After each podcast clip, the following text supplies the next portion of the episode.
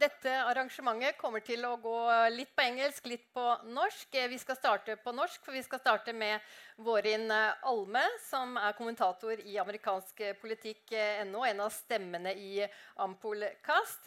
Hun skal om ganske få strakser ta oss gjennom det første året. Etter det skal vi snakke med, med Austin og John. Eh, en republikaner, en demokrat. Og etter det så får vi et eh, panel av eh, ulike USA-spesialister, kommentatorer. Og etter det så er det dere. Og vi holder på til sånn ca. 1845. Men aller først, Vårin, ta oss gjennom det første året. The Bumpy Ride. Takk. Ja, jeg heter Våren Alme. Jeg kan jo bare si det først om uh, siden vår. At vi uh, gir ut av et daglig nyhetsbrev som uh, alle må abonnere på om de er interessert i amerikansk politikk. Gir ut to podkaster og skriver litt artikler om, om generelt tilstanden i, i, USA i dag. jeg har jo da fått i oppgave å forsøke å oppsummere dette året her og prøve å vurdere hva Trump har fått til, og hva som har gått dårlig. Og det er jo ingen liten oppgave. Jeg så tilbake igjen på, på i fjor, da jeg og flere andre kommentatorer forsøkte å, å forutsi hvordan dette året her kom til å bli. Eh, og da fant jeg en ytring eh, på NRK der jeg hadde sagt at eh, det eneste vi vet, er at vi ikke vet. Så jeg safa meg ordentlig der etter å ha tatt feil på at Trump faktisk kom til å vinne. Um, men før vi kan gå i gang med å vurdere Trump som president, så er det jo greit å ha noen felles vurderingskriterier. For det er jo sånn at De kriteriene vi legger til grunn, når vi vurderer, de legger jo også føringer for hva vi finner. Så en annen person som kanskje legger andre kriterier til grunn, kommer jo da sannsynligvis til å finne et annet, et annet svar. Eh, og det er mange muligheter å vurdere en president på. Eh, la oss se på noen av dem. En måte er å se på meningsmålinger. Det er kanskje den mest normale også. Eh, og her har Trump gjort det litt varierende. Nå er han på en historisk uh, upopulær Eh, rekord. I går var han på 38% approval rating. Altså, hva, altså hvordan velgerne mener at han gjør jobben sin som president. Um, og Tidligere har Bill Clinton uh, vært den eneste som har holdt den rekorden. Da hadde han også 10 prosentpoeng mer. Og det er på samme tidspunkt da, i presidentperioden. Så dette her er altså historisk upopulært. En annen måte å vurdere ham på det er da på løftene han kom med. Hva han faktisk gikk til valg på. Og Her er jo Trump ganske enkel uh, å vurdere for, i og med at han kom med såpass klare, klare løfter, og at han fokuserte på såpass uh, få og synlige ting. Um, og, særlig, altså, og, noen av disse løftene var jo selvfølgelig helt useriøse, som å fengsle Hillary Clinton. Um, det har han ikke gjort. Men så er det noen uh, kjerneløfter som han kom med.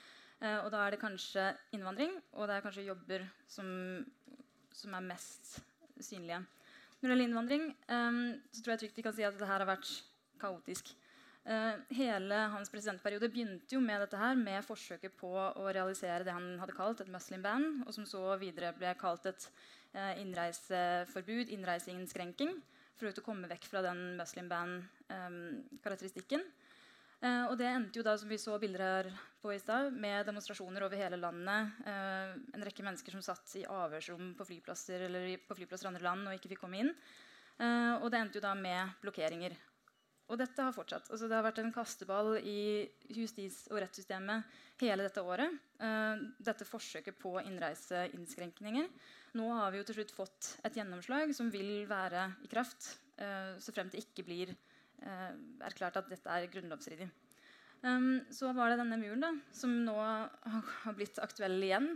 Um, Stabssjef John Kelly har jo gått ut og sagt at Trump kanskje ikke var fullt informert da han kom med løftet om denne muren. Og da har Trump på sedvanlig vis slått tilbake igjen på Twitter med at dette lovet han selvfølgelig, og det kommer til å skje. og det står han for.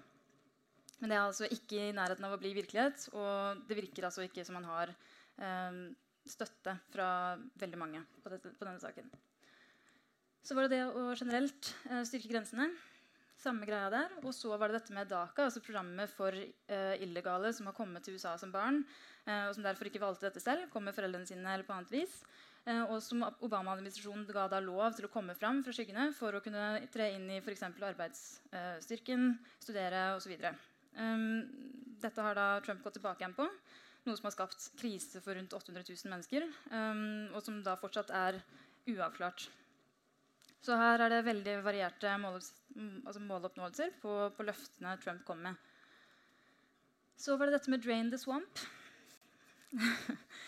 dette her var jo det som skulle eh, sette en stopper for det Trump kalte korrupte, egeninteresserte eh, makthavere i Washington, som ignorerte eh, velge, altså virkelige amerikanere.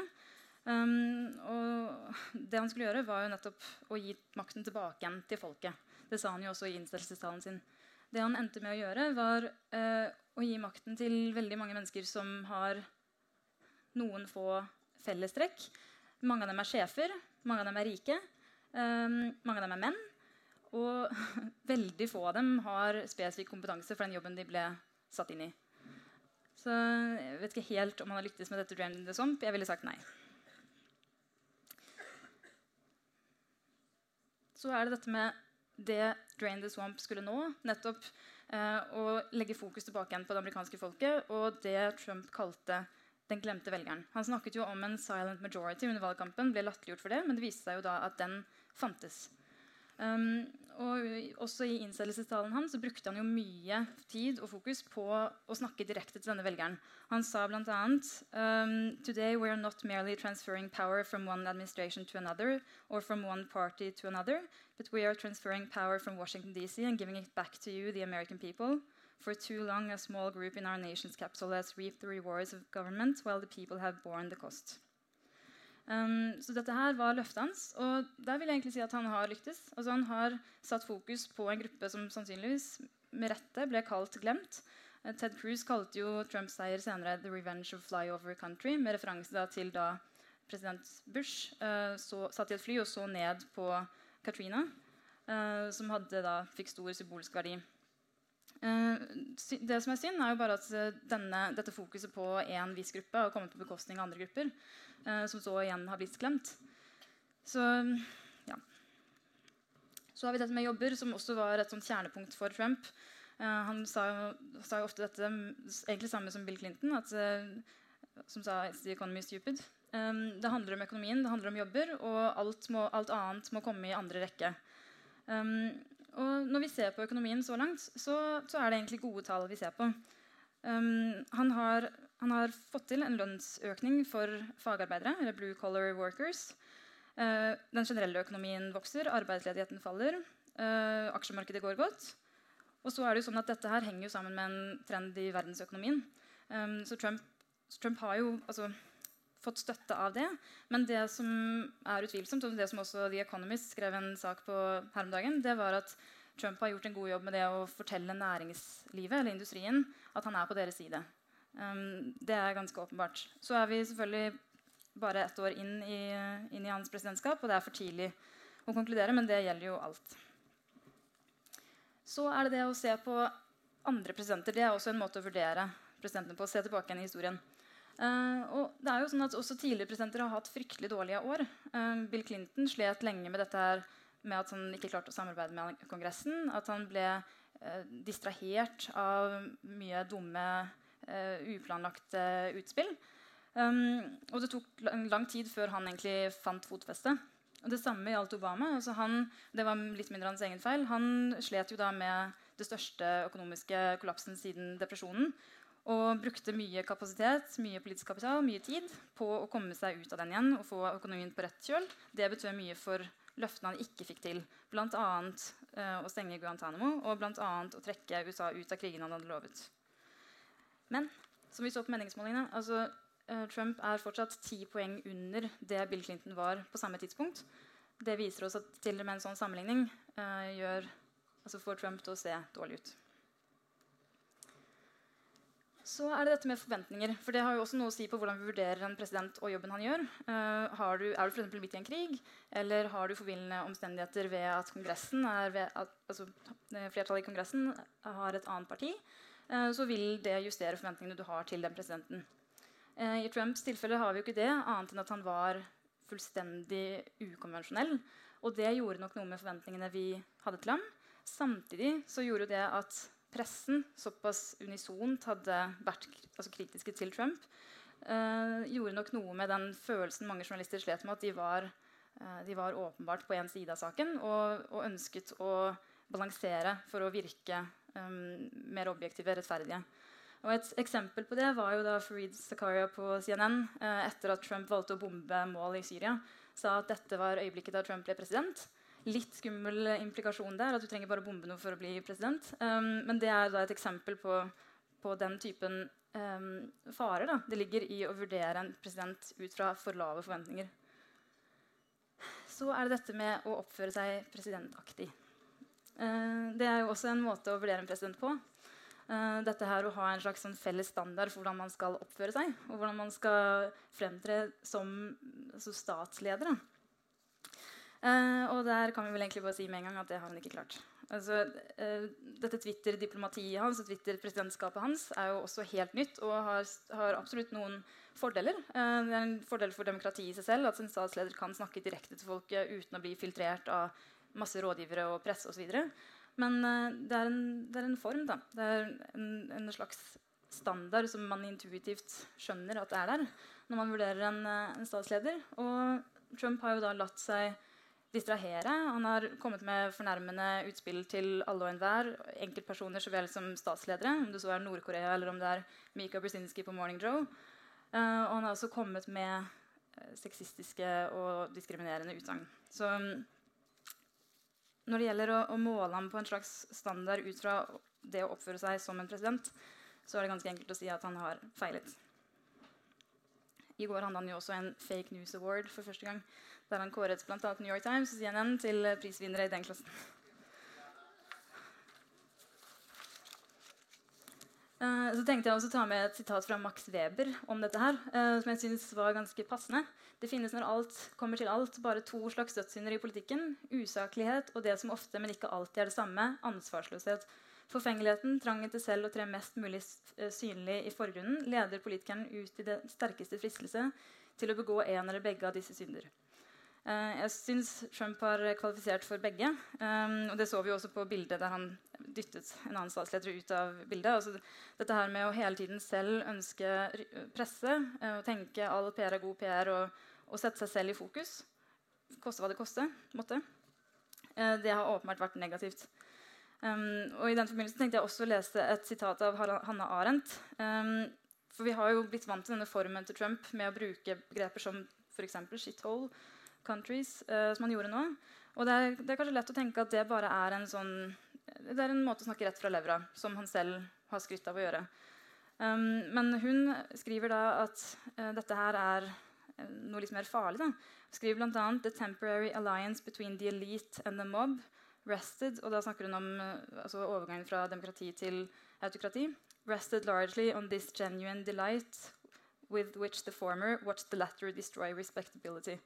Dette har jo også med denne anstendigheten å gjøre. denne felles standarden vi har for hvordan samfunnet vårt fungerer, og hva vi forventer av hverandre uh, av tillitsvalgte, um, som Trump da utfordrer.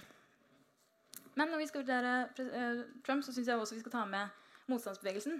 For de har jo også vært et resultat av ham. Og denne, dette året her har vi jo sett altså veldig tidlig en, en kjempemobilisering av grasrota. Um, med, med, Women's March og masse forskjellige marsjer. Demonstrasjoner på flyplasser og for vitenskap. Og i det hele tatt. Og ikke minst har vi jo sett metoo-bevegelsen, som kan være et resultat av Trumps presidentskap. Dette er jo altså en mann som, som fikk 19 anklager mot seg før han ble valgt. Um, eller i det minste mange. Kanskje noen av dem kom etter han ble valgt.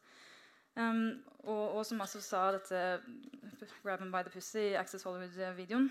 Um, så denne felles følelsen av at nå er det nok, dette var dråpen, det kan absolutt ha medvirket til at vi nå får en sånn felles fordømmelse av trakassering, et oppgjør med trakassering og, og um, overgrep. Og det må jo sies å være positivt. Uh, så har jo Norge fått uventet reklame av, som en direkte konsekvens av Trumps presidentskap. Kanskje ikke akkurat sånn vi ønsket oss, men det er jo i seg selv kanskje positivt. Um, så er det de, de, biproduktene vi får her. For det første så får vi en test av demokratiet. En litt sånn sjokktest. Hvor sterke er institusjonene? Hvor sterke er rettsfrihet, pressefrihet, ytringsfrihet, eh, demokratiske verdier? Um, så får vi også uh, en, en, spredt kunnskap om USA og amerikansk politikk. Jeg tror veldig mange flere kan mye om hvordan amerikansk politikk fungerer nå, og, og hva som er normalt i amerikansk politikk, basert på at Trump gjør mye unormalt. Um, og, og, basert på at han er underholdende. Han gjør mye som, er, som vekker oppmerksomhet og interesse. Um, ja. Så for å konkludere um, Basert på den politiske kapitalen han hadde til å begynne med, så tenker jeg at det er trygt å si at Trump har innfridd lite. Han har fått gjennom skattereform, han har fått utnevnt en, en høyesterettsdommer som republikanere er fornøyd med. Og han har også fått eh, opphevet noe av Obamacare gjennom skattereformen. Han har også klart å, å fortsette å ha økonomien på rett kjøl. Men det er ikke mye i forhold til altså, hva han kunne gjort. Han, han har flertall i begge kongressens kamre. Men han, han, har altså ikke utnyttet det. Han har ikke samlet landet, ikke samlet partiet. Eh, og det ser vi konsekvensen av. Ikke rett og slett oppført seg ordentlig. Um, og, og, selv om vi nå er bare ett år inni, og det er mye som, som, fortsatt kan avgjøre dette, så tenker jeg at det er trygt å si. Så kan mye endre det, og det mest avgjørende tenker jeg er uh, mellomvalget senere i år. Uh, dersom demokratene får tilbake flertallet i et av kamrene, så kan det ha avgjørende betydning. Så er det også eh, spesialetterforsker Müllers etterforskning. Dersom det kommer noe veldig veldig graverende der, så vil det også kunne være avgjørende. Og så er det selvfølgelig 2020. Om Trump eh, stiller igjen, hvem som stiller mot ham, hva slags politisk klima vi snakker om da. Alle disse tingene vil avgjøre hvordan vi ser på hans presidentskap.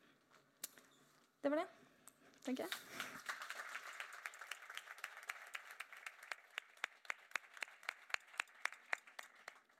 Thanks, Warren. I will ask uh, Austin and John to join me here on stage. We're going to, I think uh, John is going to be seated there, and Austin there, and I think I'll be here, a little bit in the shadow here, but uh, I think it's okay. So, Austin Rasmussen, you are the chair of the Republicans Abroad, and uh, John Roth, you are the vice chair of uh, Democrats Abroad, and I think I will uh, start with you, Austin. How will you rate the first year of Trump's presidency? Well, in the beginning, when, when he won the election, the pride that came from that was the victory for the party and the fact that Hillary Clinton wasn't uh, the president and uh, effectively ending the Clinton dynasty. Uh, at that point, uh, myself personally as a voter, I held a lot of skepticism to how good of a, pres- a president Trump would be. Um, and thinking of events like this a year from then, mm. if I would be able to have uh, have anything to say positive about him. But at least he was a Republican. Um, yeah, at least. Well, for me, it wasn't so much about his party affiliation. For me, uh, in the election last year, it was more how dangerous Hillary Clinton was for the country and how dangerous the Clinton family in general was for the, for the American country. More dangerous than Trump? Excuse me? More dangerous than Trump? Absolutely, undeniably. Uh, and um, but as the year progressed, and particularly in the last two to three months, Trump has certainly exceeded my expectations for what he would accomplish in his first year. And uh, I'm, I'm, happy to see what he's doing. I'm happy. To, I'm looking forward to see what he carries on with uh, in the next year. Hmm. So I will give the same uh, question to John. What about his first years as, as a president? Uh, well, I think it's an abject failure, and I, uh, according to polling out today, 53% of my countrymen agree with me. Um, uh, before I delve into this, you know, very broad question, I just want to take a second to set to, to set us up at, to, as to how we got here and a little bit about the body politic of America and, and what that says about how this first year went. Back in 2013, the Republican Party, right in the wake of Obama beating Mitt Romney, um, did a report called the, uh, the Autopsy, which was a report to understand where the Republican Party was going and what they had to do to adjust themselves in order for them to not become a regional party, but a party that still represented uh, the United States. I'm going to take off my Democratic hat here and put on a straight political analyst hat. I used to uh, work in you the think Congress. You can do that? well, I, I mean, no. I, I, I, used to work in the House of Representatives, and I've been around a lot of this um, nonsense, and so I'm a little bit uh, experienced, and so I'm just going to try to give you my straight analysis of this. Um, as a response to that second Obama term, um, the Republican Party went away from the results of the autopsy, which was to try to be more inclusive of women, more inclusive of minorities, and more inclusive of the millennial generation who are going to become the biggest voting bloc in the history of the United States coming up behind my generation. And they elected or they nominated Donald Trump, essentially the worst candidate that they could find because that just said that they, they were better, uh, he was better than the best black man, essentially, and they wanted him to tear hit all of his accomplishments down. Now, you and I could probably disagree with that, but, but I thought you were supposed to be objective here. I know. I mean, no. Th- th- this is no. This is uh, a, a straight analysis. So, he won. He eked out a minority victory, minus 2.8 million votes, and immediately started to pander to his right wing, and every day hitting, hitting the Democrats, hitting anything left of center to satisfy his base, which is somewhere in and around 35% or below, and that's a high cap. And what he may have achieved uh, in the economy or what he may have achieved, he's not getting any credit for. Right now, he's still at 36%. But uh, in a comparison to last year, this time he had 41% against, and people were still trying to give him a chance. Now his negative, according to the Quinnipiac poll last week, is up to 59%. So 18% of the United States has decided that, that this isn't for him. That's the mushy middle, right? He still has 85% of, Democrat, uh, of, of Republicans supporting him, which is okay, but still being at 36% approval rating, that indicates that people are just not identifying as Republicans anymore because the party has left them or they're just dissatisfied with what is uh, happening. Hmm. So, but if you put back your uh, Democratic hat, uh, sure. And um, uh, uh, has it changed the U.S.? I don't think it's generally changed the U.S. We've actually seen what we're made of because we have uh, our Constitution sets up the famous checks and balances that um, make sure that not so much power is couched in only one branch of the government. And this president has really put strain on this. Um, and I think that, um, you know, it, it, it is an incontrovertible fact that the economy is doing very well right now. You have 4.1% employment, uh, unemployment figure, which is considered full employment, and you have the stock market rising.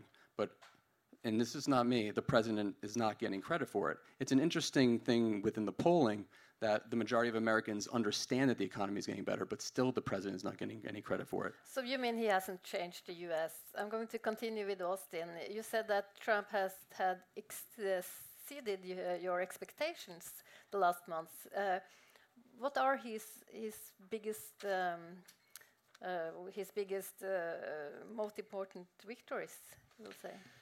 Well, for me personally, I, I think that the level of deregulation that he's endeavoring to, to accomplish uh, in his first term, that is probably the biggest uh, achievement uh, in the way that he has uh, created an executive order that mandates for every new regulation that comes from the federal government, two old ones have to be repealed.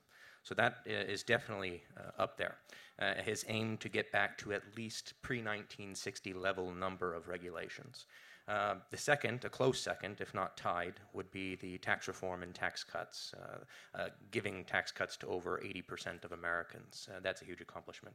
and then you can funnel down to the smaller accomplishments here and there, for example, and they appeal to his, his base, that being um, moving the U.S. Embassy in Israel to Jerusalem, pulling the United States out of the Paris Accord, uh, pulling the United States out of TPP. These are these are big accomplishments as well. Um, but the economy uh, is probably, I mean, you can say he's not getting credit for it, but he is getting credit for it. Uh, if you want to reference Quinnipiac polls, for example, they recently released one uh, that showed that Americans at this point, this uh, this point in Trump's presidency, over two thirds of Americans are confident in the direction that the U.S. economy is going. That's the highest level of confidence that the American voters have had uh, since uh, for, for two decades. And what that means is, this time uh, two years ago, when Obama was president, they had the same poll. They asked uh, voters when Obama was the leader, "How confident are you?" And the mark didn't reach anywhere near that level. And the reason for that is because Trump, Trump is fostering uh, a business environment that says, please expand, please grow, please hire. We won't meddle in your operations. That's why the stock market is soaring to record levels. That's why unemployment is at a two decade low. That's why uh, all of these economic achievements are happening, is because we have an administration and a Congress. Uh, we can look how Trump won the presidency, that's one thing, how how Republicans won Congress. But Republicans had a, uh, historic victories at every level of government, from local offices all the way up to the White House. And that's because Americans were sick and tired of the failures of the Democratic Party over the last eight years. Mm.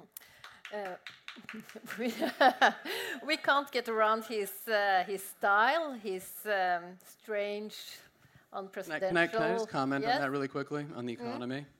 Um, so, a full uh, the the stock the stock market is what the president is wrapping his arms around, but uh, a full half of the American public doesn't own any stocks, and the bottom 25% of the 50% that do. But they have, have their pensions in fact. Well, and no, that was only one of my no, many points. But this the stock the market was that, one of many. Is that the uh, half of Americans don't have investment in the markets. Beyond, two thirds of them are still confident in the economy. Yeah, but it's not being reflected in his polling numbers. He's still polling at 36%. Well, I think the last year's election, or excuse me, the 2016 election taught us, if anything, that we were to take polls with a grain of salt. We had media outlets, pr- without a doubt, authoritatively predicting the assured victory of Hillary Clinton and her cohorts in Congress. There was government. a YouGov poll that came out last week that is a poll of polls and at an aggregate of over 600,000 poll responses and that takes in a conservative and uh, all the way to the liberal spectrum, and that gave him a top of 42%. Well, if I'm going to be skeptical of polls, I'm certainly going to be skeptical of a poll of polls. uh, we no, have to talk about a little bit about no uh, about this style. Is it embarrassing to have a president like Donald Trump for you? Uh, well, this goes into the polling number as well. And, okay. and, and, and, and, do it quick. And this has to do with style as well. Mm. Um, there's a reason why the gains in the economy and the different types of things that he's pushing for populism aren't reflecting in his approval ratings, and that's because there's a certain measure that you can't um, that you can ascribe to a president that you can't that you don't ascribe to a congressman or a senator, and those are um, their adherence to um, moral authority and the public trust. Those are two things that Americans put in our president. And the, the president has abdicated um, uh, moral authority on things such as Charlottesville, um, his uh, overt, um, overt ra- uh, racism or racially charged statements, his complete uh, denigration of our judicial system and specific justices, his inability to apologize for anything, taking credit for everything, and when things are poor, trying to cast blame on someone else. People want to know that there's someone with accountability in office. And even though there might have been a nice primal scream moment for people who supported him to vote for him because they felt like it was, you know, a shot against the system, they basically elected a meme, like a trolling meme. But then when it comes time to govern, people don't want a meme to govern. They want to feel like there's empathy in the White House, or there's someone who believes in them and actually can understand and they feel. But it's almost like having a, a cold-blooded lizard in the White House that doesn't feel things and doesn't get. He's always poll testing, or not poll testing, his, testing his billionaire friends on the phone if things are going to work or not, but not actually caring about people on on Main Street. So, mm. Austin. Yeah, I, I just uh, this this insinuation of Trump being a racist and, and how that is continuously being hammered uh, in the media. Uh, this, so we can break this down in three different ways. We can break it down with anecdotal evidence, which which leftists adore for appealing to emotions. We can break it down to polling evidence, which I've already covered as far as um, skeptical results, and then we can break it down to facts. Anecdotal, for example, uh, in the previous alternative facts. Uh, no, no. No, no. Uh, an- anecdotal evidence mm. is what I'm saying. There, anecdotal is is neither fact nor um, false. It's just anecdotal. It's someone's own experience. Uh, this was addressed in the previous presentation as well when it came to the alleged comment of shithole countries. Um, when it comes to that, uh, Rand Paul, for example, who was actually my, my personal first choice during the primaries uh, in the campaign, uh, came out a few days ago and discussed this, uh, trouncing on this, this idea that Trump is a racist, specifically with regards to Haiti. Uh, Rand Paul is a surgeon. And uh, before Donald Trump was, was a candidate in the election, before he even thought about running for president, uh, Rand Paul was going on a mission to do surgeries for people in Haiti and went to Donald Trump and asked him to financially back this operation. Donald Trump didn't hesitate. And because of that, Rand Paul was able to go down and conduct over 200 cataract surgeries in Haiti. That's anecdotal. We can look at polls. He likes getting we can- tax breaks. We can look at polls. We can look at polls in the way that you say that his support isn't being reflected there. That's not true. The Atlantic, which is a far left leaning uh, publication, released a report recently that showed Donald Trump's support amongst blacks in the United States has more than doubled. That's more than, Debunked. that's more than that's from the Atlantic. More than doubled amongst black men and more than tripled amongst black women. That's polls. Leftists like polls and anecdotal evidence. Now we're going to get to facts. Then how Now- come- now- how come uh, 98% I- I- of black women I, I let you, I against let, him in I the let you finish. So I can you pay me the same courtesy? Okay. Now we get to facts. Black unemployment rate is the lowest in recorded U.S. history, and that is why his support is increased so much amongst them. So this whole racist thing is bogus, and it really comes down to American Republicans who voted for Trump and Trump's base. They're not listening to the conjecture that comes from the media. They don't care what the media has to say anymore. And Republicans can only hope that leftists continue down this track because Republicans only stand to gain, politically prosper, between solid policy and leftist delusions. Meanwhile, on planet Earth, we uh, I- I have said we've been, we, delusions. we've been, short, we, we've uh, been, exp- we've been, we have election evidence, even as recently on Tuesday, that uh, districts on the state level that have gone by double judges to Trump and the Republicans holding those offices have been flipping. Western Wisconsin went 17% for the Republican two years ago, went 9% to a Democrat just the other day. And the governor, Scott Walker, probably you're an acolyte of his as well, says this should be a wake up call to Republicans. So I have absolutely no idea what you might be talking about, but it's not happening here. And you all you have to do is look at the evidence. Will he um, uh, will he be impeached? No, no, it's absurd. Uh, first of all, people, anybody who claims he will be impeached has no idea what the process actually entails um, for, for a president to be. You look at Bill Clinton, who was te- who was impeached by the House of Representatives, um, but was never uh, impeached by the Senate, which is why he was allowed to remain to finish out his term. Uh, the process that it entails to impeach a president, uh, it would have his his whatever perceived crimes would have to be so egregious. Not only that, but he would ha- the, the impeachment charges would have to be able to persuade both houses of Congress, which are both dominated by Republicans. Um, no, it's it's not going to happen, and it's a fantasy. And I understand that that people get off on it emotionally when they think about the possibility of Trump being uh, impeached. But it's an absolute fantasy, and and talk about being on planet Earth. Uh, you're far from it if that's what you're going down. Uh, we're running out of time, but just a last question for you, John. Uh, 2020, uh, will Donald Trump run, and will he win? Yeah, I, definitely think that he'll run. Um, I think the the results of the midterm elections uh, are going to be a very uh, big um, indicator as to where we go after that. Because if, as it looks, he's going to lose the House, um, it's going to create a foil for him to cast blame, which he loves to do. He hasn't had a uh, an opponent, you know, in the Democratic Party, and that's to, have been to our benefit because he hasn't been able to kind of pinpoint on a leader, and so everything is being ca- uh, all the criticisms have been coming to him.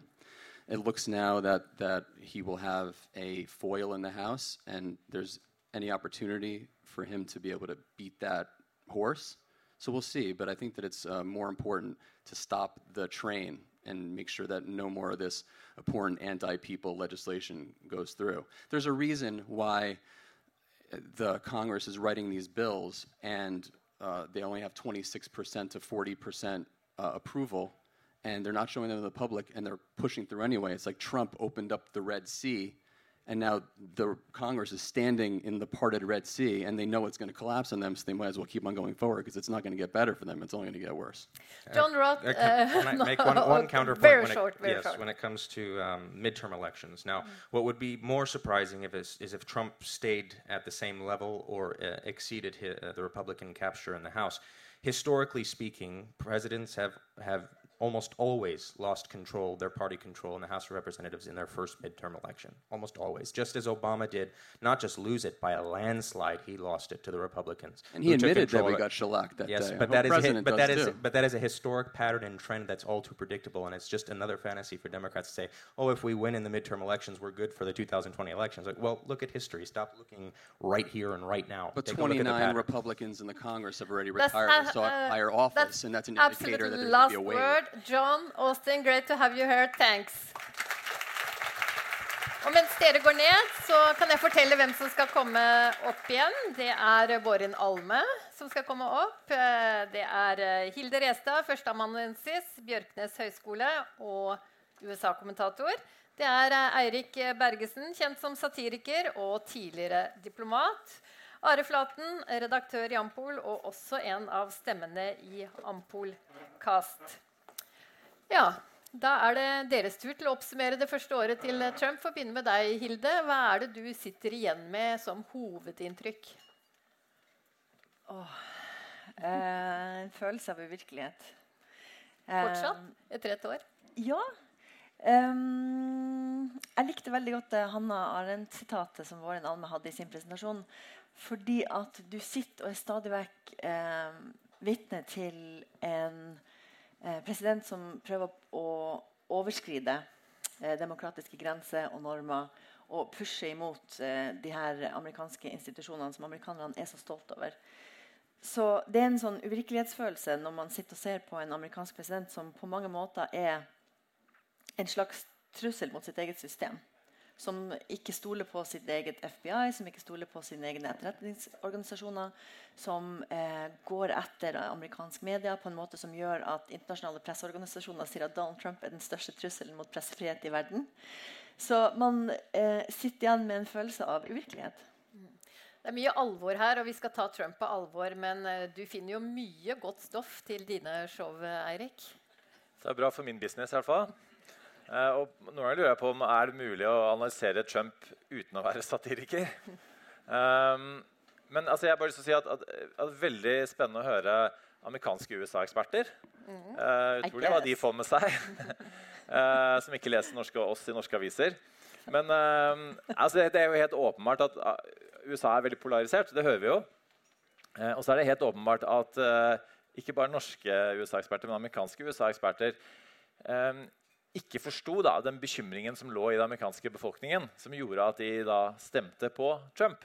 Eh, og, og litt det handler om på det, altså det, det faglige, at man ikke så, så på de tallene som var der, og, måte, og, og, kom seg rundt på de stedene som, de statene som ble avgjørende. Men også kanskje litt denne empati, manglende empatien til å forestille seg hvorfor er det noen stemmer på Trump. Um, eh, og den tror jeg man skal ta med seg videre. Uh, og så tror jeg at um, eh, at man da på en måte eh, altså De får de samme nyhetene som vi gjør her i USA. Så de skjønner jo på en måte hvem de stemte på. eh, og, og Noen kanskje oppfattet som en klovn, noen som klovnaktig. Men så stemte de kanskje noe spesielt på at det systemet da, som eksisterer, at, at man på en måte skulle rive ned det. Altså de, måte, de bestilte en pyroman for å brenne ned huset. Og så har de kanskje ikke så stor tiltro til på at en pyroman skal bygge opp igjen i huset. Um, eh, og jeg tror vi må se på det på, litt på den måten. Um, og så ser vi, ja, Han sliter åpenbart eh, når det gjelder det lovgivende, eh, som, som Våren er inne på. Samtidig som det også blir sagt her, altså økonomien går jo bra. Eh, Wall Street er oppe 25 eh, og Det handler veldig mye om de, de, den intuisjonen de har da, i forhold til de stemningene som er ute i befolkningen.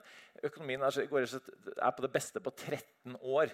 Og så tror jeg at mange tilskriver det Obama foreløpig. Eh, mange tenker at, at måte, Trumps retorikk står litt i veien for at man gjør det spranget til at man begynner å approve han. å si. At man begynner å, begynner å like han, rett og slett. Eh, og så, så vil det jo ta tid da, å se om han eh, om han, altså han må jo få igjen noen lover også, men han har jo tross alt tre år igjen. Og så får vi se hvordan økonomien eh, eh, svinger. Men at, at det er The Economy stupid, det er det jo ingen tvil om. Så hvis eh, Jeg at jeg foregriper en del spørsmålsrunder nå, men altså hvis han eh, Hvis det ikke kommer noen rykende revolver da, i Russlandssporet, eh, og, og hvis demokratene ikke klarer å lage sin egne troverdige økonomiske plan, som var det de først og fremst siktet på ved valget, så kan Trump bli gjenvalgt.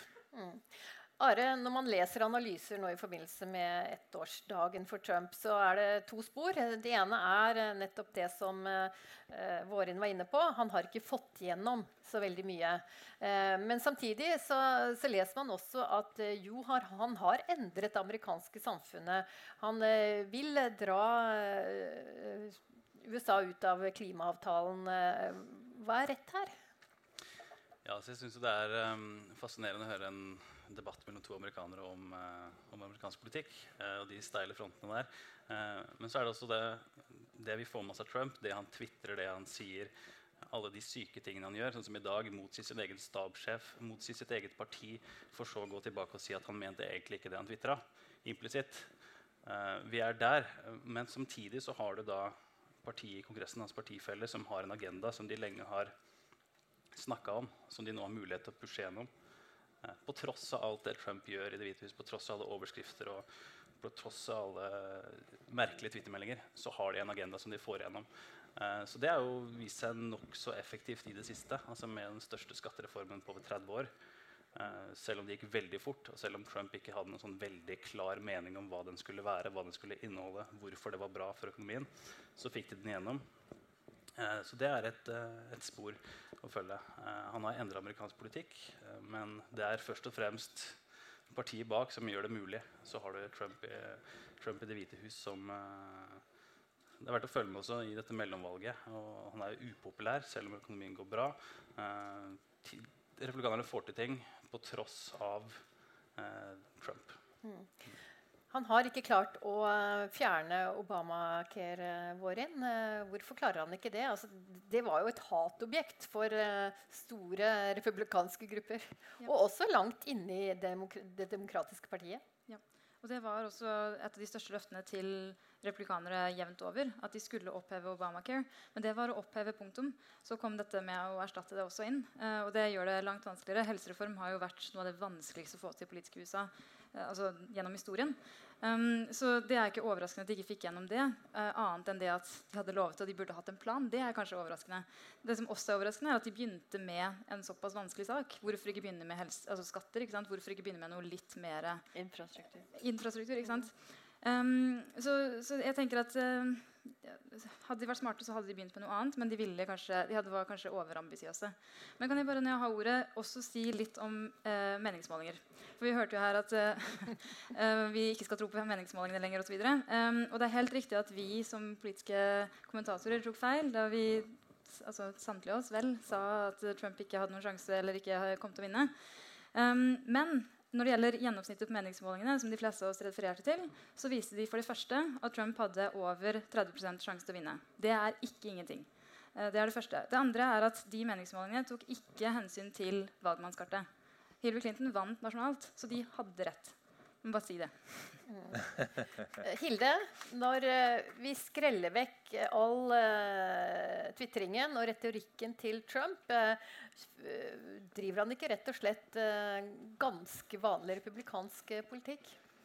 Jo, absolutt. Og det er jo derfor Mitch McConnell og Paul Ryan har hekta av vogna si til Trump-toget. Mm. og er veldig fornøyd med det, åpenbart. og at du, man så jo at de var veldig stolt når skattereformen kom. Eh, og nå var den ganske upopulær, men det kan jo endre seg. Eh, og da antar jeg at det republikanske partiet benker på at den kommer til å endre seg. Eh, så jeg tror at, eh, jeg er helt enig med deg i det at når du ser på hva som har kommet gjennom i Kongressen, og det her med deregulering og trekke seg ut av TPP etc., det er ikke noe uvanlig med det. og Vi husker jo første, første par årene, eller egentlig første året i Bush, George W. Bush-administrasjonen. Da trakk man seg ut av Kyoto. Man usignerte International uh, Criminal Court, um, tribunalavtalen det, var, det, var, mye som, som, lignende som skjedde da også. Så det er ikke selve politikken som man nødvendigvis trenger å, å, ha noe mening om, for det er det republikanske partiet sin politikk. Det man trenger å ha en mening om, mener jeg, er det du ville skrelle vekk. Det er retorikk og form og utfordring av demokratiske normer som er veldig, veldig alvorlig mener jeg. Mm. Og, og, der er vi inne på litt uh, ditt felt, da, Eirik. Uh, alt dette uh, bøsset rundt uh, Trump. Hvorfor, hvorfor, holder han på? Hvorfor fortsetter, fortsetter han med dette? Jeg, jeg, tror det er veldig viktig å tenke at Trump ikke er dum. eh, altså, Eller at Trump, Trump er dum. Unnskyld. Eh, og fordi Dum i hvilken betydning? ja, ja, for, det- for, Mindre da- for da- hvis du, hvis du, ja, ja, ja, det er et godt spørsmål. Ja. Eh, men eh, eh, altså Stupid is as stupid does, som Forrest Gump eh, sa. Altså, måte, altså, men du, du må, for da forhindrer du en analyse. Altså, du må prøve å forstå hvorfor gjør han det han gjør. Og det han gjør, fikk jo han valgt. Ikke sant? Først i primærvalget mot 17 andre republikanere, eh, og så da i, i hovedvalget. Um, og jeg, jeg sier ikke at han er en intellektuell, men jeg sier ikke at det er en strategi heller. Kanskje er det en stikk, som de kaller det i USA. Men, men altså at han altså måten, Det står jo om i Art of the Deal om, det, om uh, truthful hyperbole, for eksempel, da, som er i hans verden er en slags overdrivelser da, med, med, eh, altså, med et snev av, av, av sannhet, da, men som kanskje noen vil kalle med løgner, da, med en ferniss av sannhet.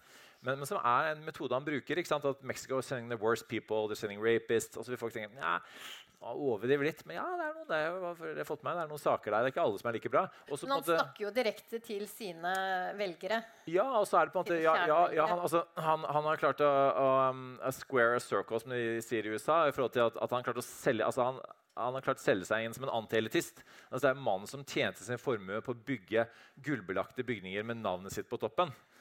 Som tok penger av sitt eget humanitære fond for å få malt et fire meter høyt maleri av seg selv. Dette er den største elitisten noensinne. Fint bilde, da. fint bilde. Han, han, han klarer å komme unna med det. Um, ved blant annet fordi at altså, Faren hans sendte han jo på, på byggeplassen i, i Brooklyn. eh, og hvor han hang med, med byggearbeidere fra han var ganske ung. Så han lærte seg på en måte å, å kommunisere med de. Og når vi som politiske analytikere skulle prøve å forstå Trump i valgkampen, så bomma jo på at han, han er ikke en politiker. Han ønsker ikke å være en politiker. Alle twittermengdene hans signaliserer at 'jeg er ikke en politiker'. jeg er ikke en politiker. Um, og jeg er i hvert fall ikke en normal person. Så når Erna sier at dette var en, en normal person med humoristisk sans, uh, så, så, så er han eh, nei, han er ikke en normal person. Han ønsker ikke å være en normal person. Han er i hvert fall ikke en normal politiker. Uh, og han på en måte ønsker å være den, være den ikke-politikeren. Uh, og det har han jo kommet veldig godt unna med, fordi har vært, man har ønsket en eh, anti-elite-person da, eh, i, i Det hvite hus. Sånn at eh, han eh, Eh, og han, måten han erter media på? Jeg tror jeg har vært jeg kødder ikke, jeg har vært tre ganger på nyhetskanalen eh, din kanal, og snakket om Fake News Awards. altså, eh, jeg har åpen, Vi gikk åpenbart Tenk begge rett i en fella hans. for å si det amerikansk sånn. president som har en fake news. Ja, altså, så prøvde jeg å dytte inn noe meningsfullt innimellom det der òg. Men det er klart at det, han, han, han sier jo at media er fiendene deres. Altså Media, den fjerde statsmakt, en, en, det demokratiske tannhjul i ethvert samfunn, er, er fienden deres. Altså, du må tilbake til Stalin for å finne noe lignende type utsagn. Som Jeff, Jeff Flake sa i dag. Eller i. Ikke sant? Så, så, og så er det mulig, som, som, er mulig Hilde har rett i at det er måte, bare retorikk. Men det er klart at det, det utfordrer jo åpenbart eh, samfunnet på helt uante måter. Eh, definitivt. Eh, vi snakker nå om narsissisme. Eh, vi snakker om eh, hans mentale tilstand er blitt et tema. Eh, hvis vi da switcher over til sikkerhetspolitikk, Nord-Korea. Er Trump en farlig mann, eh, Are? Det er jo uh, ingen som har uh, uttalt seg i denne saken tidligere som Trump har gjort det. Og tatt det på en måte fra, uh, fra diplomatiet og ned til en skitten valgkamp, der du slenger på et kallenavn på, på lederen du omtaler. For så å skape frykt blant mange som tar det helt seriøst. Og så er det andre som kommenterer som det her er en Kanskje det er en måte å få til noe endring på. Eh, men det er eh, høyt spill eh, uten at han tilsynelatende har gitt veldig mye makt til sin utenriksminister, som han i likhet med sin stabssjef og andre eh, mottaler. eh, og motarbeider i offentligheten dersom han føler det tjener hans sak eh, fra dag til dag. Det er det vi ser. Eh, det som skjer eh, bak lukkede dører, er en litt annen sak. Og det som skjer nå i forbindelse med OL, der det tilsynelatende er eh, de nærmer seg litt nord og sør. Eh, på tross av at Trump aldri ville omtalt eh, Kim Jong-un som kort og feit. Eh, som jo vi humrer av, men det er liksom helt, eh, noe helt nytt. Eh, også dermed kanskje lurt å, å ha litt is i magen og ikke liksom reagere med første retweet og slenge på en litt artig kommentar foran hva i alle dager er det han holder på med. Er det noe vi vet, så er det i hvert fall at Twitter-meldingene til Trump som regel er mer gjennomtenkte enn de virker. Eh, Bildet av at han ligger i senga si med morgenkåpe og spiser McDonald's og sender en Twitter-melding, litt sånn uavhengig av hva konsekvensene skulle bli. Det er veldig lett å tro det hvis du misliker Trump og alt han står for. Uh, men det er nok litt mer, litt mer, gjennomtenkt. Men det som skjedde på Hawaii nå, med den frykten som er der, og hvor lite som skal til med en, en nødmelding som sendes ut på radioer og telefoner fordi en person trykka feil, og den frykten det skaper, nettopp pga. kanskje hva Trump har sagt, og hvordan han har uh, løfta den konflikten. Det er uh, en av mange ting som gjør det veldig fascinerende og spennende å sjekke telefonen sin hver morgen. Mm.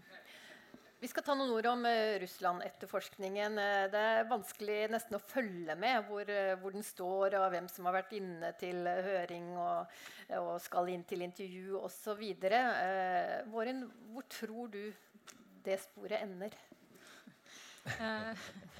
den, det har jo fått en del konsekvenser allerede. Altså, vi har jo fått siktelser og tilståelser. Og, og, i det hele tatt. Og vi har jo også fått eh, dokumentert svart på hvitt at personer langt oppe i Trumps stab eh, visste om Kremls innsats. Det står jo faktisk i mailene som ble sendt mellom Don jr. osv. Det vi ikke har fått påvist, er om Trump selv visste det. Vi har bare altså, vår egen intuisjon og, og, hva som virker eh, troverdig. da. Um, men det altså, klart bevis på at Trump har visst om en fremmed stats innblanding i, sitt, i sin egen valgkamp og sitt eget lands uh, demokratiske prosess, er ekstremt alvorlig. Um, men så er det jo, som vi hørte her, uh, skal mye til for at et, altså et, et, hans eget parti uh, kommer til å, å, stemme for riksrett. Da må det jo være noe veldig klart og tydelig. Og det, det er jo det som er vanskelig med disse sakene her. Altså Russland eh, opererer jo på en sånn måte som de vet kommer til å skape kaos og, og altså usikkerhet og, og, vanskelighet med det å være klar på at du har en, en fiende utenfra. Altså du, du sprer kaos istedenfor å fremstå som den som åpenbart har gjort noe galt. Um, og, og, så langt har jo det fungert. Så får vi se altså Muller virker å drive en veldig god uh, etterforskning. Det har lekket lite. Altså, han tok jo inn Steve Bannon med en gang han fikk nyss om at han kanskje lekket ting til Kongressen. ikke sant? Um, så, så det, altså det, vet vi ikke. Det kommer til å vare lenge, tenker jeg. Og kommer få, han kommer sikkert til å ta én person etter én person. Altså, sånn som han har gjort nå med Manafort osv. Eirik først. Ja, altså, uh, for de som husker tilbake til Watergate, så tok det jo to år fra, fra den første lekkasjen, eller den første avsløringen da, til, eh, til uh, eh, Nixon gikk av, og Han gikk jo av før han ble eh, impeached. og Han gikk av egentlig uten at man fant bevis på at han visste. Det lengste man kom, var at han hadde eh, spurt om ikke man skulle betale disse her innbudstyvene uh, penger for at de ikke skulle snakke. sånn at, så, og så er spørsmålet igjen også om demokratene ønsker at Trump skal forsvinne. Eh, og at en Pence skal overta at det er Pence de møter i neste valgkamp. En Pence som har rukket å måtte rette skuta. Da. Eh, det er langt ifra sikkert at de, at de ønsker. Og så pluss at ja, Trump har lave approval ratings, men det har også republikanerne i Kongressen de er enda lavere, og demokratene er lave, og, og media har også veldig lave. Eh, sånn at, og Det er på en måte litt sånn situasjonen i, i USA om dagen. Men, men, den, men, ja, og etterforskning går jo fremover, og Müller er jo en populær mann. Altså han, øh, og han er en av de som faktisk forsoner de to partiene. Han, han fikk jo utvida sin FBI-sjefperiode fra åtte til tolv år, f.eks. Så han er en troverdig person, og han har drevet eh, en etterforskning i, i noenlunde hemmelighold uh, så langt. Men så er spørsmålet også på en måte, og Det kan at han finner ut andre ting enn en Russland.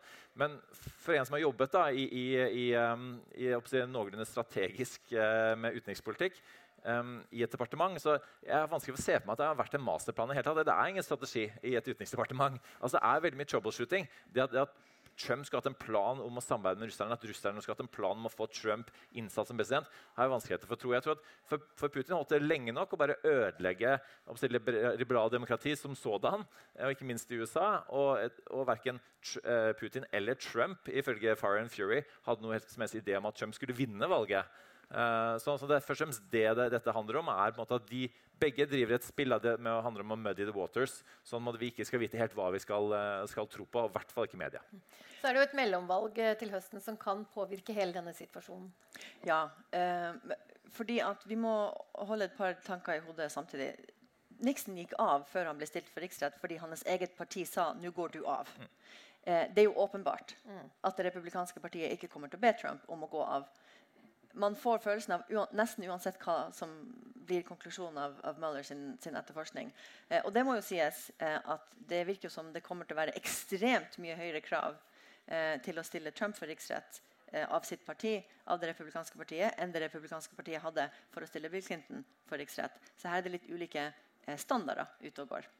Eh, når det gjelder Mueller sin etterforskning, så vet vi ikke hva som kommer til å bli resultatet av det, annet enn at vi vet at det allerede var en valgkamp som var ganske som hadde en del korrupte mennesker i seg, eh, som allerede er blitt hanka inn eh, av Mueller. Eh, noen av dem som samarbeider med Mueller, og vi vet ikke hva de sier til Mueller. Um, det er jo ganske sannsynlig at det vil være mange i Trumps valgkamporganisasjon som ikke har noe legitimitet. Eh, som burde være en skandale i seg sjøl. Men igjen så virker det ikke som det republikanske partiet bryr seg så mye om det. Derfor kommer vi til mellomvalget. Eh, hvis man mener da etter hvert, hvis man ser, hvis Mueller kommer til en eller annen konklusjon og man mener at Trump burde stilles for riksrett, så det bare, kommer det bare til å skje hvis, hvis eh, demokratene vinner Kongressen. Eh, vi ser jo at republikanerne kommer ikke til å gjøre det. Um, men som han Eirik sa, det er ikke sikkert det er i deres politiske interesse. fordi hva bedre for det demokratiske partiet enn å stille imot Trump i 2020? Mm. Ja. Jeg bare komme med en rask kommentar også til, for Jeg er helt enig med Eirik i at sannsynligheten for at det er en sånn stor masterplan, ikke er veldig stor. Men det trenger ikke å ha vært det for at det skal være samrøre. Hva, hva er egentlig samrøre? Det, det, vet jeg altså, om det finnes en juridisk definisjon der som er helt klar. Men jeg tenker at det vi trenger å få påvist for at vi skal kalle det samrøre, er at Trump har visst om dette her uten å ta det videre til da, FBI og de, eh, de, institusjonene som bør få vite om det. Eh, for det vil eh, tilsi at han har visst om innblanding i eget valg, eget demokrati, egne prosesser uten å ta det videre. Uh, Are? Ja, og det er jo en, eh, en, tidslinje her som er helt utrolig. Hvis man ser på hva som ble sagt, disse e-postene som ble sendt, hva Trump da sa kort tid etter på valgkamparrangementer, mm. der han lovte store nyheter dagen etter. Eh, en e-post eh, omtalte eh, dritt mot Hillary Clinton. Eh, så om det ikke er sam samrøre, så er det i hvert fall som Steve Bannon selv har vært inne på, at kanskje de ikke var sammensveisa nok til det hele tatt klare å ha en plan og klare å ha den ideen, men rør var det i alle fall, og mange personer som har eh, gjort meget dumme ting. Eh, og når man legger alt det sammen og ser på det, så har man en ganske overbevisende sak om at folk i Trump-kampanjen visste nok ting her. Eh, og med disse e-postene som ble lekka gradvis i, i valgkampen eh, mot John Podesta og mot Demokratene, som førte til at Clinton og hennes kampanje aldri på en måte fikk en dag der de kunne styre showet. Da. Det var alltid noe som på en måte stjal halve forsiden. Eh, skulle være. Um, det er en ting som, eh, som, vi kommer til å få høre mer om. I hvert fall når det er da folk fra valgkamp som vi kanskje ikke helt vet navnet på en gang nå, som plutselig George Papadopoulos for eksempel, som plutselig hadde samarbeider over to måneder. Som da kom med nye drypp-drypp i denne saken. Så det er en av de underliggende røde linjene i 2018 eh, som uh, som må irritere Trump grenseløst. Hvis du ser på Twitter-feeden hans, Twitter-arkivet til Trump og skriver 'Russia', så er det ganske Det gjør jeg på jevnlig basis. det gjør jeg. Det er, sånn, uh, det er bra. Ja. Eh, Eirik, du skal få en kort replikk før jeg har lyst til å åpne for uh, spørsmål fra salen. Mm. Altså, dette blir jo en spekulasjon, men uh, som uh, norske USA-eksperter skal vi selvsagt tillate oss det. Uh, dette er jo liksom Melodi Grand Prix for oss her i Norge, i og med at det ikke berører oss helt direkte. Så kan vi måtte kose oss litt, litt med det. Men, men altså, um, dette, til syvende og sist er dette politikk. Juss er politikk. Og, og som, som, Hilde sier, at, at, nei, kanskje nå så er ikke republikaneren tjent med at Trump skal gå av. Og hvis de har tvunget Trump til å gå av nå, så ville jo konspirasjonsteoriene florert eh, herfra til hinsiden. ikke sant? JFK, når de løsla friga alle dokumentene bortsett fra 30, så er det all diskusjon rundt hva står det i de 30 nå, så lenge etterpå. Eh, så det tror jeg ikke de kommer til å gjøre. De, de tapte valget. Republikanerne tapte valget. Trump vant valget.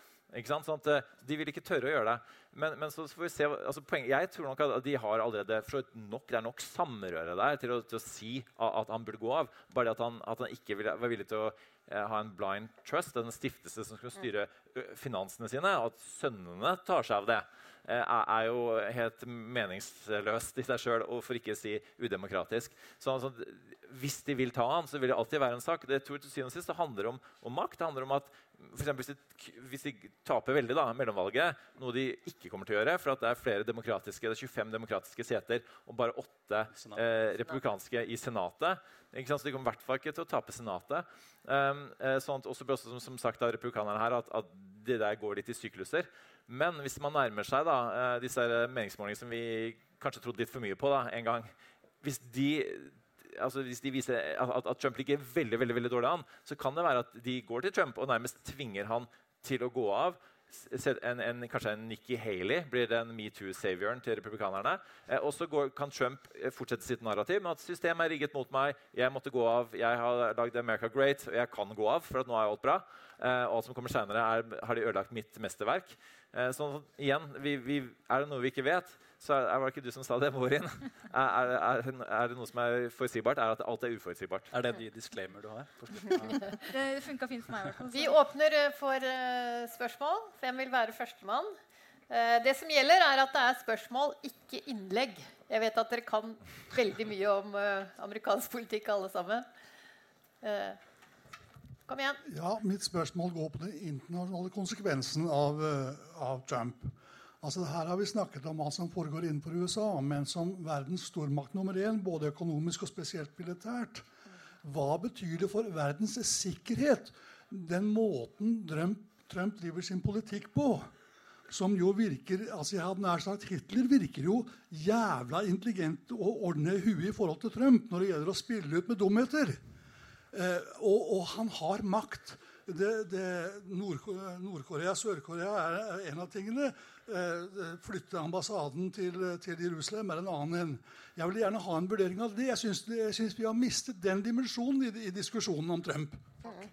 Hilde begynner. Ja, um, Det er jo kjempeviktig spørsmål. Uh, og det er jo det er en grunn til at nesten alle i det republikanske partiet i 2015 som drev på med sikkerhets- og utenrikspolitikk, starta Never Trump-bevegelsen. Eh, fordi at de som brydde seg om eh, amerikansk utenrikspolitikk, var ekstremt bekymra over det de så. Og det vi ser nå, er jo at eh, Trumps America First-politikk eh, skaper et vakuum i geopolitikken som Kina og andre veldig gjerne trer inn i. Um, og det, Hvis man ikke ønsker at USA skal ha den statusen det har hatt før internasjonal politikk, så er det en god ting. Eh, hvis man ønsker at Kina skal ha en større rolle i internasjonal politikk, så er det en god ting. Hvis man er Norge og er avhengig av USA og Nato, så er det en dårlig ting. Neste spørsmål. Uh, skal vi se. Nå må bare komme opp her og få en mikrofon. I'll ask this in English if that's okay. Um, I was recently in the U.S. and speaking with a, a journalist friend of mine in, uh, in Virginia, print journalism, and uh, he asked me, uh, "What's the state of understanding of Trump, uh, you know, over there across the pond?" And I said, "Well, if you take a mix of uh, uh, the politicized CNN, add some Democratic talking points." Mix in some gossip magazine, and that's probably the state of what you're, what, what's going on there. And he, and he said, and I said, at the same time, there's a fascination, a, a love hate going on with, with Trump that's uh, very, very, very interesting. And, uh, and uh, just a, a, a, quick uh, aside here on you know, what's going on in the U.S. You know, throw out the polls, throw out you know, all the stuff you're listening to. Basically, we have a Democrat Party that's fighting for its very life. I mean, they lost, a, took a big blow in the elections. If if Trump is able to succeed, even marginally, and if um, that is perceived by people, and the Democrats do not, you know, get it together, and uh, the party's falling apart a little bit, you, you don't, we don't read that or see that, but that's what's happening. So, and they'll be in severe trouble. And that's the media fight that's going on in the U.S. But from this can, side of the pond, so the question is, the question is, besides the when he sticks his foot in his mouth and says controversial things, I mean, he was sent there to be disruptive. If he's not disruptive, he's not doing his job. What's the fascination? What's the love hate that's going on, and what are you seeing when you look at him? I forget the controversial, you know, the stupid stuff, but what do you look for when you watch what's going on in U.S. politics uh, as a Norwegian? Mm. Eirik, du kan få ta den. Uh, you want uh, to answer in English or Norwegian? Your choice. Okay. Uh, nei, um, jeg, jeg, jeg, tror det folk flest misforstår med USA, da, uh, og jeg vokste også opp i, i USA, er på en måte hvor konservative amerikanere er. Altså, de, er ikke, de tenker ikke politisk sånn som det vi gjør. Og det er ikke bare det, er ikke bare at Trump vant valget, men, men eh, republikanerne Det er helt riktig at Demokratiske parti ligger nede med brukket rygg. Republikanerne har det største flertallet i delstatene siden borgerkrigen. Altså, det er en enorm konservativ bølge som skyller over USA, som kommer til å ta lang tid å reversere eh, for, for demokratene. De har ikke engang en økonomisk politikk, de har ikke engang en, en motkandidat. Så det kommer, kommer, til å ta lang tid. Og at de skal, liksom, har sittet og ventet på at minoritetene skal vokse fram, og at de demografisk skal på en måte få en default-seier, det kommer ikke til å skje på en stund. Det lærte vi ved, ved valget. Eh, uh, og, og, jeg husker jeg, jeg satt og sa at, at uh, ja, minoriteten er latinerne, og vi må passe på de, osv. Jeg satt her på valgnatta på TV 2. Og så glemte vi helt Oi, men hvite menn det er jo ganske stor demografi, de også, gitt. ikke sant? Så, sånn det er, også, la oss se litt sånn vi tenker på EU. da.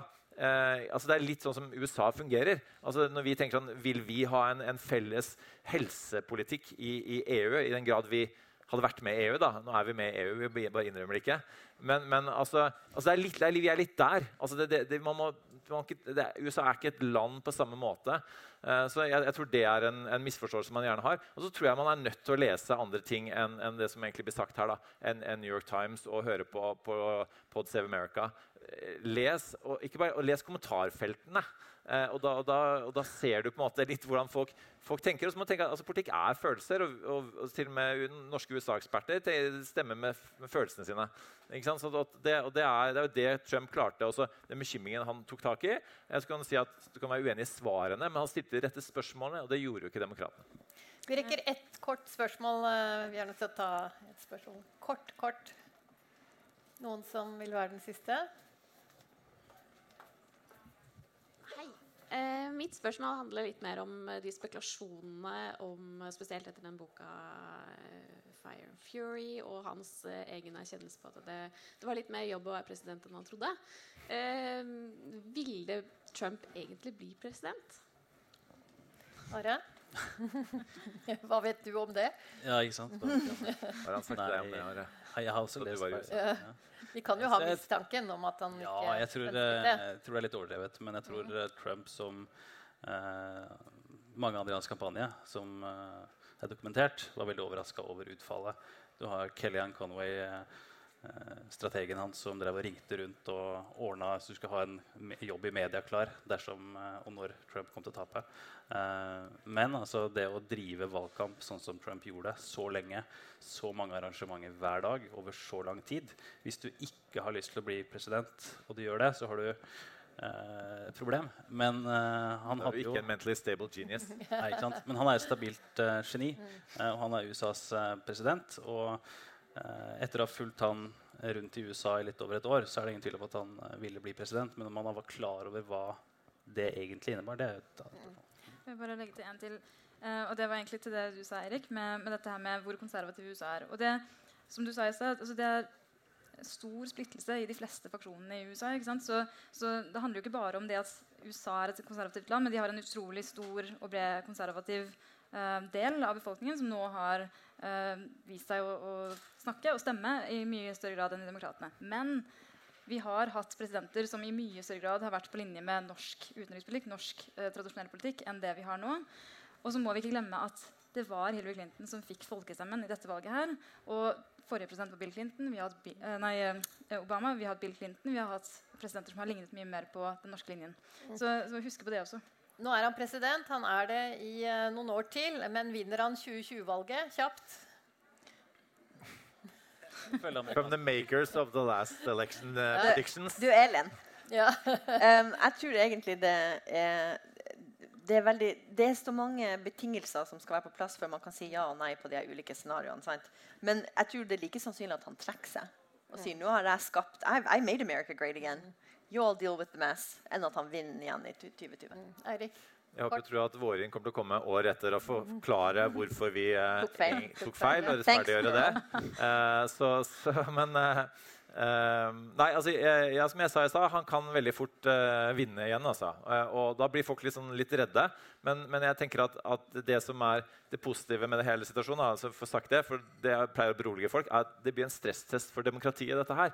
Og du ser at checks and balances kicker inn. Hvis vi ser at de største demonstrasjonene noensinne, ikke minst blant, blant kvinner rett etter valget på flyplassene i forbindelse med disse immigrasjonsforbudene osv. Så, videre. så vi ser på en måte, et, og media også, som, som har begynt å get act together. Så vi ser et USA som måte, altså, altså, Alt det som ble fordekt og kamuflert gjennom åtte år med, med, Obama, da man trodde at, at, USA hadde kommet mye lenger enn det er, viser seg at det stemte ikke. Det er en stor jobb å gjøre, og det tror jeg det er positivt. Mm. Are?